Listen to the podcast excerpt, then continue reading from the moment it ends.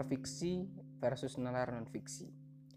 Kita selalu hidup dengan melihat fakta yang ada di hadapan kita.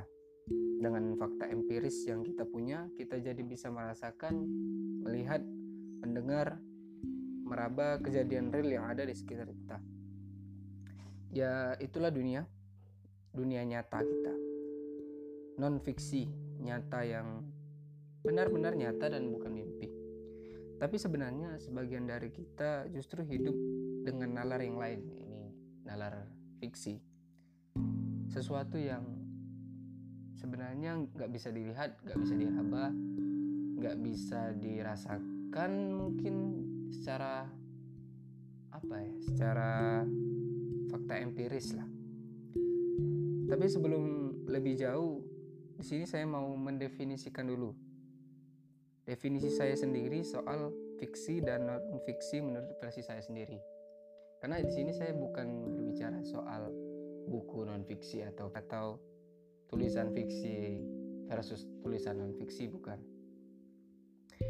Singkatnya menurut saya sendiri yang dimaksud dengan nalar fiksi sendiri adalah sifat manusia yang bisa jadi bukan real dan bertentangan dengan hukum non fiksi. Ya sering kali tidak rasional.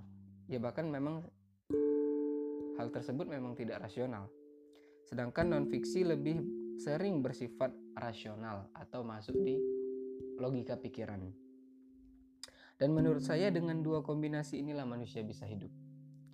Kita contohkan misal dari hal fiksi yang sekali lagi saya bukan mengartikan fiksi sebagai hayalan atau tahayul manusia. Kalaulah manusia itu tidak mempunyai nalar fiksi, atau istilahnya boleh dikatakan dengan kata lain nalar fiksi ini adalah sebagai perasaan lah gitu. Bagaimana bisa seorang ibu bisa seemosional itu untuk membesarkan seorang anaknya? Karena jika dipikir-pikir, menggunakan nalar non fiksi atau logika pikiran, lebih banyak capek, lelah, dan fakta nyata yang real pada ibu tersebut ya memang capek, lelah, itu yang ia rasakan di tubuh dia dengan fakta empirisnya gitu. Dan ya nyatanya perasaan perasaannya tetap menang. Artinya dia juga hidup. Ibu itu juga besar membesarkan anaknya dengan nalar fiksi atau dengan perasaannya sehingga anaknya tumbuh besar. Mungkin juga kalian adalah seorang pemimpi lah. Atau pernahlah mungkin kalian menonton film Laskar Pelangi atau membaca bukunya. Saya rasa jika mereka hidup dengan nalar non fiksi, saya mereka saya rasa mereka justru akan mengutuk hidup mereka sendiri yang susah, sekolah jelek dan lain sebagainya. Ya karena memang faktanya begitu bukan? Tapi nalar fiksi telah membuat mereka bisa menciptakan sesuatu yang imajiner. Telah membuat pikiran-pikiran yang membuat mereka bisa bermimpi, berharap punya harapan yang besar yang tidak rasional jika dipikir saat itu. Tapi langkah-langkah imajiner atau fiksi bisa dicapai dengan langkah-langkah logis. Nah, ini catatannya. Jadi, apa pun hal tersebut sebenarnya ada dua hal yang harus kita kombinasikan dalam hidup ini. Ini ada nalar fiksi dan nalar fiksi. Kita juga tidak bisa hidup terlalu mengandalkan perasaan kita atau fiksi atau juga kita tidak bisa terlalu hidup dengan mengandalkan akal logika kita. Jadi dua hal ini harus seimbang gitu. Kalau misalnya kita punya cita-cita atau impian yang bersifat imajiner gitu, bisa dikatakan fiksi lah. Yang mungkin tidak logis, kita tetap harus mencapai hal tersebut dengan hal-hal yang bersifat dengan bersifat logis gitu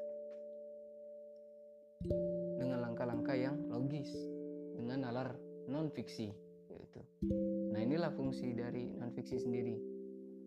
Yakni adalah mencapai tujuan-tujuan yang sebenarnya tidak logis, tapi kita kita lakukan hal-hal yang logis dengan langkah-langkah kecil. Misalnya kita punya cita-cita yang besar untuk menjadi seorang presiden lah misalnya. Sederhana aja. Ya itu mungkin apa ya melihat diri kita yang sekarang mungkin kita melihat diri kita nggak logis gitu. Nggak logis. Nggak nggak masuk di nalar lah. Istilahnya kita mau jadi presiden siapa kita gitu kan. Bersifat imajiner gitu imajinasi. Tetapi kita bisa mencapai hal tersebut gitu dengan langkah-langkah yang logis atau dengan nalar fik, nalar nalar nalar non fiksi gitu. Misalnya dari sekarang kita mulai bela belajar gimana caranya berbicara di depan umum?